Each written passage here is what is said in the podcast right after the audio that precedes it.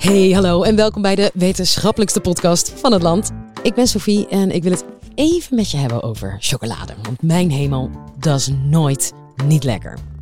Wist je dat jij en ik elk jaar bijna 5 kilo van dit zoete goud snoepen? Per persoon, hè? Dus dat is, denk ik, even rekenen, 5 kilo maal 17,7 miljoen. Bijna 89 miljoen kilo chocolade per jaar. Hier in ons kleine landje. Het is gewoon bijna niet te weerstaan, chocola. Grote vraag is, waarom is dat zo? Psycholoog Remco Havermans van Maastricht University legt het je uit. Dit is de Universiteit van Nederland.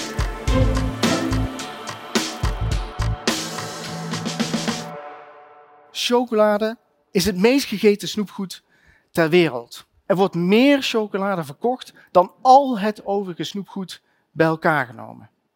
De gemiddelde Nederlander, jij bijvoorbeeld, jij eet 5, 6 kilo chocolade per jaar. Dat is heel veel. Waarom eet jij zoveel chocola? Hè? Waarom eten wij over het algemeen zoveel chocola? Dat is een stomme vraag. Chocola is simpelweg lekker. Chocolade is het allerlekkerste wat er is. Maar waarom is dat zo? Waarom is de smaak van chocolade voor zoveel mensen zo verleidelijk? Mijn vrouw maakte toen heel dichtbij een foto van mijn natte, naakte, blauwe tong. Dit is mijn tong en die heb ik een poosje geleden heb ik die, heb ik die blauw gekleurd. De reden dat ik mijn tong blauw heb geverfd, is dat je dan heel mooi mijn smaakpapillen kunt zien. Dat zijn die wat dikkere bultjes die niet zo hard uh, blauw kleuren. Nou, die smaakpapillen, dat zijn bundeltjes van knopjes, ja, knopjes eigenlijk, van gespecialiseerde epiteelcellen, smaakcellen. En op die smaakcellen zitten verschillende receptoren waarmee we zoet, zout, zuur en bitter proeven. Die smaakcellen, die zitten niet alleen op de tong. Die zitten door de, door de hele mond, de gehemelte, in de keel. En het is dan ook een mythe dat je uitsluitend met bepaalde delen van de tong bepaalde smaken kunt proeven. Het is niet zo dat je bijvoorbeeld alleen met het, eh, puntje van je tong zoet kunt proeven. Dat is onzin. Je hebt niet eens een tong nodig. Begin 19e eeuw woonde een Franse intellectueel en vermaard gastronoom Jean-Antoine Brillat Savarin voor een poosje in ballingschap hier in Nederland. En in zijn latere boek, De Fysiologie van de Smaak, beschrijft hij hoe hij hier in Amsterdam een meneer ontmoette die helemaal geen tong meer had. Deze man was in Algerije betrokken geweest bij een gevangenisoproer en als straf was zijn tong afgesneden. Brias Savarin had medelijden met die man, maar hij was tegelijkertijd geïntrigeerd. En hij vroeg aan die man, kun je eigenlijk nog wel iets, uh, iets proeven zo zonder tong? En die man die pakte een stukje papier en die schreef daarop in vloeiend Frans, pas de probleem. eten was niet altijd gemakkelijk zonder tong en ook niet pijnloos. Maar het proeven van zoet, zout, zuur en bitter, dat, ja, dat ging gewoon nog prima. Dat is interessant, nietwaar? Toch is onze smaakzin maar een heel sneu zintuig. Met onze ogen bijvoorbeeld kunnen we miljoenen verschillende kleuren zien. En met onze neus, met ons reukvermogen, kunnen we miljarden verschillende geuren waarnemen. Geur speelt een hele belangrijke rol in ons dagelijks leven. En ook bij onze smaakbeleving. Jaren geleden deed ik onderzoek bij mensen die helemaal niets meer kunnen ruiken. Mensen met anosmie, zo heet dat. En één proefpersoon vertelde me dat hij ooit uh, bruut was overvallen. En daarbij had hij zo'n harde klap gekregen op zijn hoofd, dat de zenuwverbindingen van het reukepitheel naar de hersenen waren afgescheurd. Hij kon niets meer ruiken en hij moest opnieuw leren eten. Mensen met anosmie hebben dikwijls het idee dat behalve het reukvermogen ze ook hun smaakzin zijn kwijtgeraakt, terwijl dat niet zo is. Het punt is dat wat wij smaak noemen, is hoofdzakelijk geur. En wat gebeurt er nu als ik een, uh, een stukje chocola eet? Nou, dan ligt dat blokje chocola dat ligt weg te smelten op mijn tong. En dan proef ik met mijn smaakcellen op de tong en in de rest van mijn mond, proef ik een zoete smaak, de zoete smaak van chocola. Maar daarnaast neem ik de geur van chocola waar. Geurmoleculen die warrelen naar achteren via een open verbinding naar boven naar het reukepitheel. En eigenlijk hebben we dus twee neuzen. Eén neus van voren om mee te snuffelen en een neus van binnen om mee te proeven. Ik ga nu eten. Ik heb hier een stukje chocola, pure chocola. Wil je ook mee eten? Alsjeblieft. We gaan er eerst aan snuffelen. ruik hem maar eens goed aan. Hoe ruikt dat? Ruikt dat lekker? Ruikt heel lekker. Dat ruikt heerlijk zoet. Het is pure chocola en die cacao, dat, dat is heerlijk. Wat is er met cacao? Cacao is heel erg bitter. En dat vinden we niet lekker. Bittere smaken vinden we van nature heel erg vies. En dat is ook precies de reden waarom we op een feestje niet gezellig een schaaltje eh, spruitjes op tafel zetten. Tenminste, in Helmond doen we dat niet. Cacaobonen, de grondstof van chocola, is dus ook bitter en moet lekkerder worden gemaakt. De conquistadores die namen de cacao vanuit Midden-Amerika terug naar het Spaanse Hof. En die lieten de koks daar een heleboel suiker toevoegen aan de chocolade. Door de zoete smaak van suiker dus te koppelen aan de smaak van cacao, aan het aroma van cacao, gaan we dat aroma almaar lekkerder vinden. En dat effect trad dus voor het eerst op aan het Spaanse Hof. En van daaruit heeft de zoete chocolade de rest van de wereld veroverd.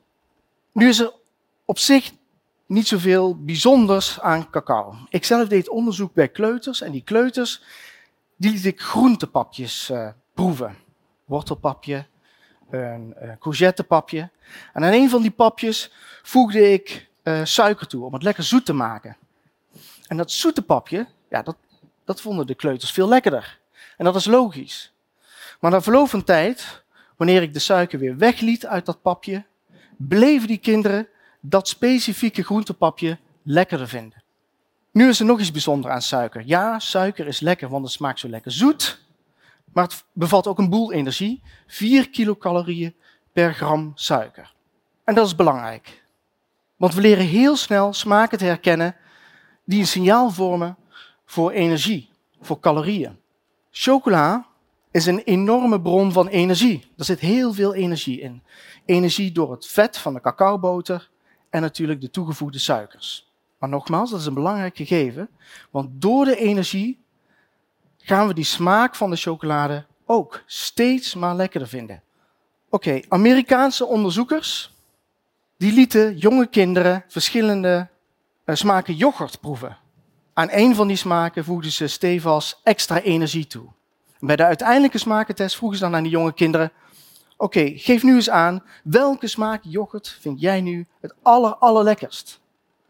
En dan wijzen die jonge kinderen stevast het smaakje yoghurt aan dat voorheen nog was gekoppeld aan die extra energie. Energie is simpelweg lekker. Dit calorie-effect verklaart heel mooi waarom we over het algemeen vette hap veel lekkerder vinden dan bijvoorbeeld groente en fruit. Maar dit calorie-effect zien we ook al terug binnen de categorie groente en fruit. In deze studie gaven kinderen aan veel liever calorierijke groente en fruit, zoals banaan en aardappel, te eten, dan betrekkelijk caloriearme groente en fruit, zoals watermeloen of prei. Oké, er is nog een derde reden waarom chocolade zo bijzonder lekker is. In cacao zitten de methylxanthines, cafeïne en theobromine. En uit onderzoek weten we dat als je een nieuwe, bijzondere smaak introduceert en je voegt daar een heleboel cafeïne aan toe, dan ga je die specifieke smaak heel snel heel veel lekkerder vinden. En precies zo'nzelfde effect wordt gevonden als je aan die smaak een hoeveelheid theobromine gelijk aan dat van een standaard chocoladereep toevoegt. Precies zo'nzelfde effect. Waarom er bij theobromine en cafeïne er een positieve smaakverschuiving optreedt, hoe dat werkt, we hebben geen idee. Dat is een compleet raadsel. Maar het gebeurt. En dat verklaart niet alleen de populariteit van chocola, maar ook dat van bijvoorbeeld koffie, thee of cola. De voorliefde voor chocola, die is niet aangeboren, die is aangeleerd. Het is het resultaat van de leergeschiedenis. En dat betekent onder meer dat smaakverwachtingen ook onze smaakwaarneming kan kleuren of verstoren. Onderzoekers tonen dat wanneer je aan water slechts de geur, het aroma van aardbeien of van karamel toevoegt, dan smaakt het water plots veel zoeter. Onlangs werd er onderzoek uitgevoerd bij chefkoks in en rond Sydney.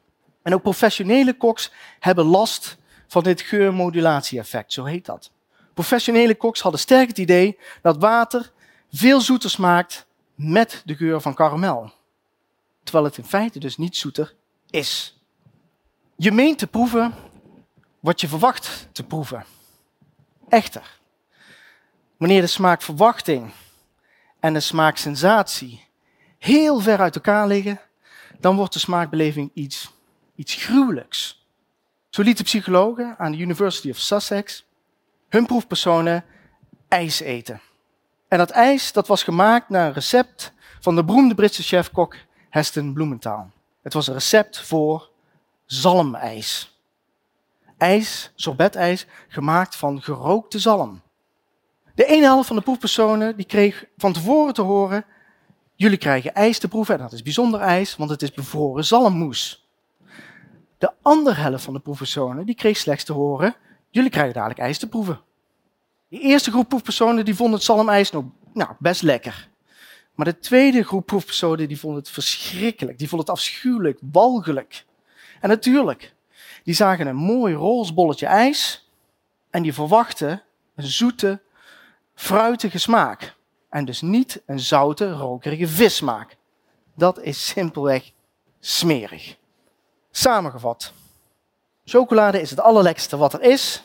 En dat komt omdat we de smaak van chocolade makkelijk leren te associëren met zoet, met energie en met zoiets als theobromine.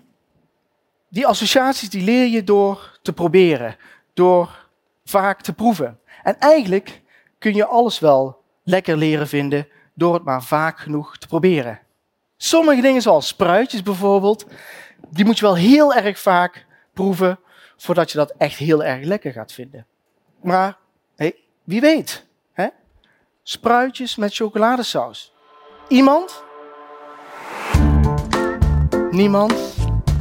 Ik krijg die sorbet met zalmsmaak, maar niet uit mijn hoofd. Trek in nog een heerlijke podcastaflevering. Nou, onze menukaart wordt langer en langer. Dus check even onze playlist en eh, bestel je favoriete aflevering door te abonneren. Tot de volgende!